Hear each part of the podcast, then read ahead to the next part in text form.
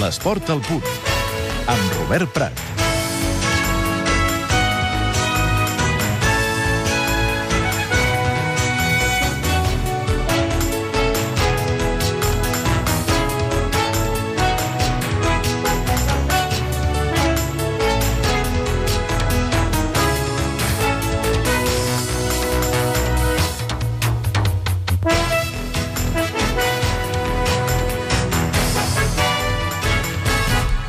Avui farem una versió molt reduïda d'aquest esport al punt a Catalunya Ràdio i donem prioritat a la situació que està vivint ara mateix el país com a conseqüència d'aquest incendi de l'Alt Empordà.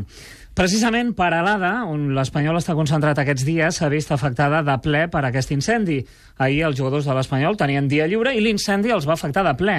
Alguns jugadors van quedar impressionats del foc, de veure'l tan a prop, del fum de les flames que van convertir Paralada en una població amb un cel vermell i fosc que va arribar al Benet fins i tot a espantar els jugadors de l'Espanyol. Que estan en una zona segura, fora de perill, però que hi van viure moments d'incertesa i de tensió perquè molts d'ells que tenien el dia lliure van tenir seriosos problemes per tornar a l'hotel de concentració. De fet, l'entrenador Mauricio Pochettino no ha pogut arribar a Paralada fins aquest mateix matí. Ell i també cinc membres més de l'estaf tècnic es van trobar l'AP7 tallada i van haver de recular a Barcelona. Pochettino ha dirigit l'entrenament aquest matí amb normalitat. També ahir el president blanquiblau, Ramon Condal, va anar a un acte d'una penya Roses i tampoc va poder tornar. El jugador de l'Espanyol, Víctor Sánchez, explica com ha afectat l'incendi a la plantilla. Pasamos un día de, de muchos nervios, sobre todo la gente que, pues que se había quedado aquí, que, vio el fuego casi, casi empezar y después también gente que venía de, de Barcelona tuvieron problemas, que se quedaron en la carretera. El mateix Víctor Sánchez ha explicat que, a més a més, un membre del club s'ha vist afectat perquè ha perdut la masia familiar que hi tenia a l'Ala Empordà. L'Espanyol tornarà divendres de l'estatge de Parlada, tal com estava previst. Les flames de l'incendi avancen en direcció contrària i els jugadors no noten la incomoditat del fum a l'hora d'entrenar-se. Els han garantit que estan en una zona segura i que no han de patir. Els jugadors del Barça també s'han solidaritzat amb els afectats i les víctimes dels incendis. El Barça, de fet, lluirà demà braçal negre en senyal de dol al partit contra l'Hamburg.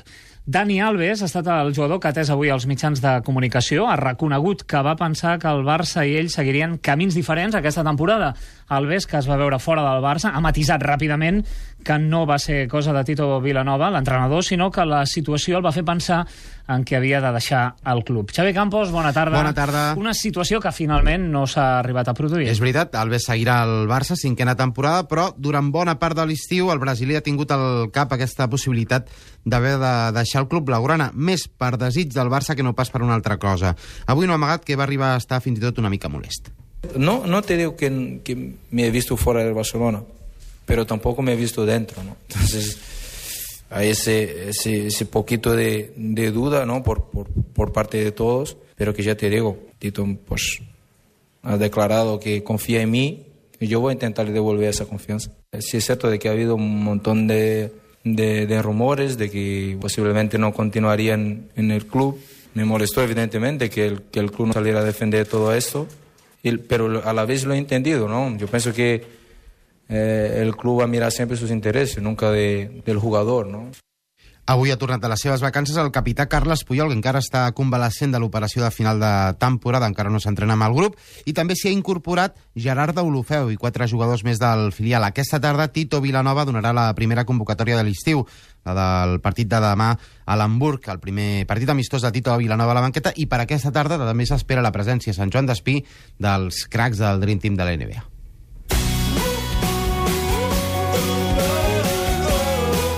És estiu. Aquí, Catalunya Ràdio. Schlecker. Schlecker. Preus impressionants. Schlecker. Estalvia 4 euros comprant una caixa de tovalloleta a recanvi de 216 unitats d'Odot Activity o Sensitive. Estalvia 2 euros comprant dos tins del color. Schlecker. Aquesta quinzena, refresca't amb les nostres ofertes especials en begudes. Schlecker, més que una drogueria. Schlecker. Si quan arriben les vacances a la teva família ningú es posa d'acord... Que sempre hem d'anar on tu dius. No, anirem on dius tu! Aquest any estàs de sort, perquè tots voldran el mateix. Amb Acciona Transmediterrània i Viatges El Corte Inglés, anar des de Barcelona a les Balears, dos adults i dos nens més cotxe, anada en cabina quàdrupla i tornada en butaca, des de 52 en 23 euros per persona i trajecte. Informa-te'n i fes ara la teva reserva a Viatges El Corte Inglés. Consulta'n les condicions. No has anat encara a Montserrat? El periòdico t'ofereix aquest diumenge un bitllet per pujar al santuari més emblemàtic de Catalunya. Passa-t'ho bé aquest estiu amb les cartilles del periòdico.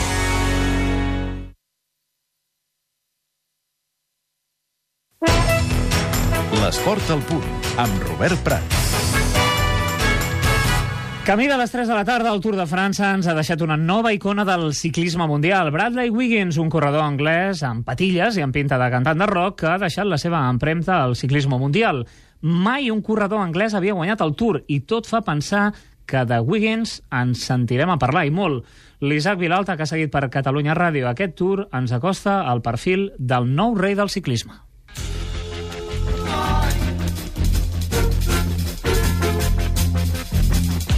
Bradley Wiggins, 28 d'abril de 1980, 32 anys, nascut a Gant, a Bèlgica, tot i que ha criat al barri de Kilburn, al centre de Londres. És el primer ciclista anglès que guanya un Tour. A més, ho ha fet amb un equip anglès, l'Sky, i a pocs dies de l'inici dels Jocs de la seva ciutat, Londres. El domini en aquest Tour ha estat insultant. A la general només ha estat o primer o segon i ha guanyat dues etapes. Molts dubtaven de les seves possibilitats després de quedar quart al Tour del 2009 i de retirar-se per lesió l'any passat. Però sobretot dubtaven que un ciclista que ve de la pista pugui guanyar un Tour de França. És possible aquesta metamorfosi? Sí, ho és. Però en el cas de Wiggins és més especial. Als Jocs de Pequín jo pesava 82 quilos, ara em peso 71. El secret és el dietista i el treball. L'entrenament que he seguit és molt important, però sobretot és una qüestió d'estil de vida. No he begut més. El 2004, just després dels Jocs Olímpics, jo era alcohòlic. El Bradley Wiggins adolescent va introduir-se a la cultura mod, molt present llavors a Londres, enganxat a la música des que va descobrir Paul Wellers i els Who, aficionat a col·leccionar guitarres, la joia de la corona és una peça única de Noel Gallagher que sobresurt d'entre les muntanyes de vinils. Té un garatge ple de lambretes, les petites motos que rivalitzaven amb la Vespa, calçat Adidas i roba Fred Perry, una marca que fins i tot ha tret una edició amb el nom del campió del Tour. Wiggins podria ser un protagonista de la pel·lícula Quadrofènia. Esportivament, ens falta perspectiva per saber amb quin graó hem de col·locar Wigo en la història del ciclisme, però segur que viu prop dels millors, i no és exagerat. En pista ha guanyat ja 3 ors olímpics, una plata i dos bronzes. I aquest 2012, en una mateixa temporada, ha guanyat la París-Niça, el Tour de Romandia, la Dauphiné i el Tour de França. Mai abans ningú havia aconseguit ni tan sols el gran Eddy Merckx. Wigo, però, vol viure allunyat de la fama. Només sóc en Bradley Wiggins. Tinc un enorme respecte per tothom i per totes les proves del calendari. He guanyat París-Niça, Romandia, Dauphiné i el Tour en un mateix any. No crec que això em canviï massa. No vull ser una celebritat, que em posin la catifa vermella i tota aquesta porqueria. Gran part de la cultura britànica es basa en la gent que és famosa per no fer res. És agradable ser reconegut i respectat per ser bo en alguna cosa. Els que el coneixen diuen que és amable, educat i carinyós. També bromista, s'atreveix amb les imitacions dels companys. A partir d'avui, la Pinarello, amb un adhesiu petit que hi diu Wigo, acompanyat del símbol mot, guarda un trosset per un groc històric.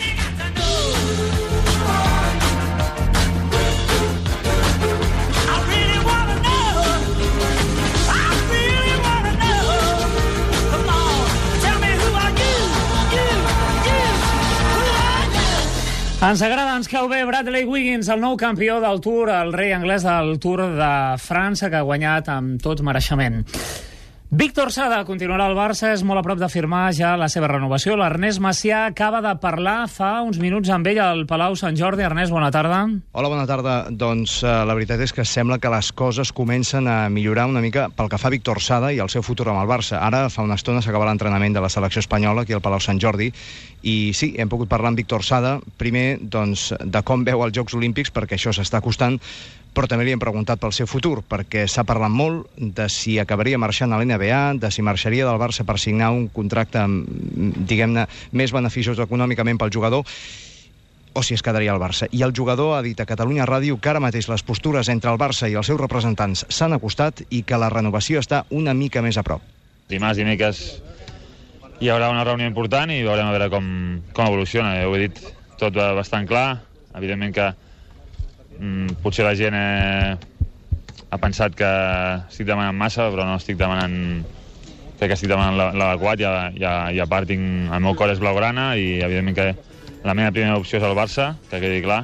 No estic aquí pressionant de cap manera, sinó que vull seguir el Barça, però vull seguir en unes bones condicions. Des d'aquest escenari del que us estem parlant ara mateix aquí al Palau Sant Jordi, la selecció nord-americana és a punt de començar l'entrenament d'aquesta tarda. L'equip nord-americà, recordem-ho, juga demà contra Espanya en un horari poc habitual, dos quarts d'onze de la nit. Serà, per tant, una bona pedra de toc pels dos per veure a quin nivell estan i per veure el que molts diuen serà la final dels Jocs Olímpics d'aquest any.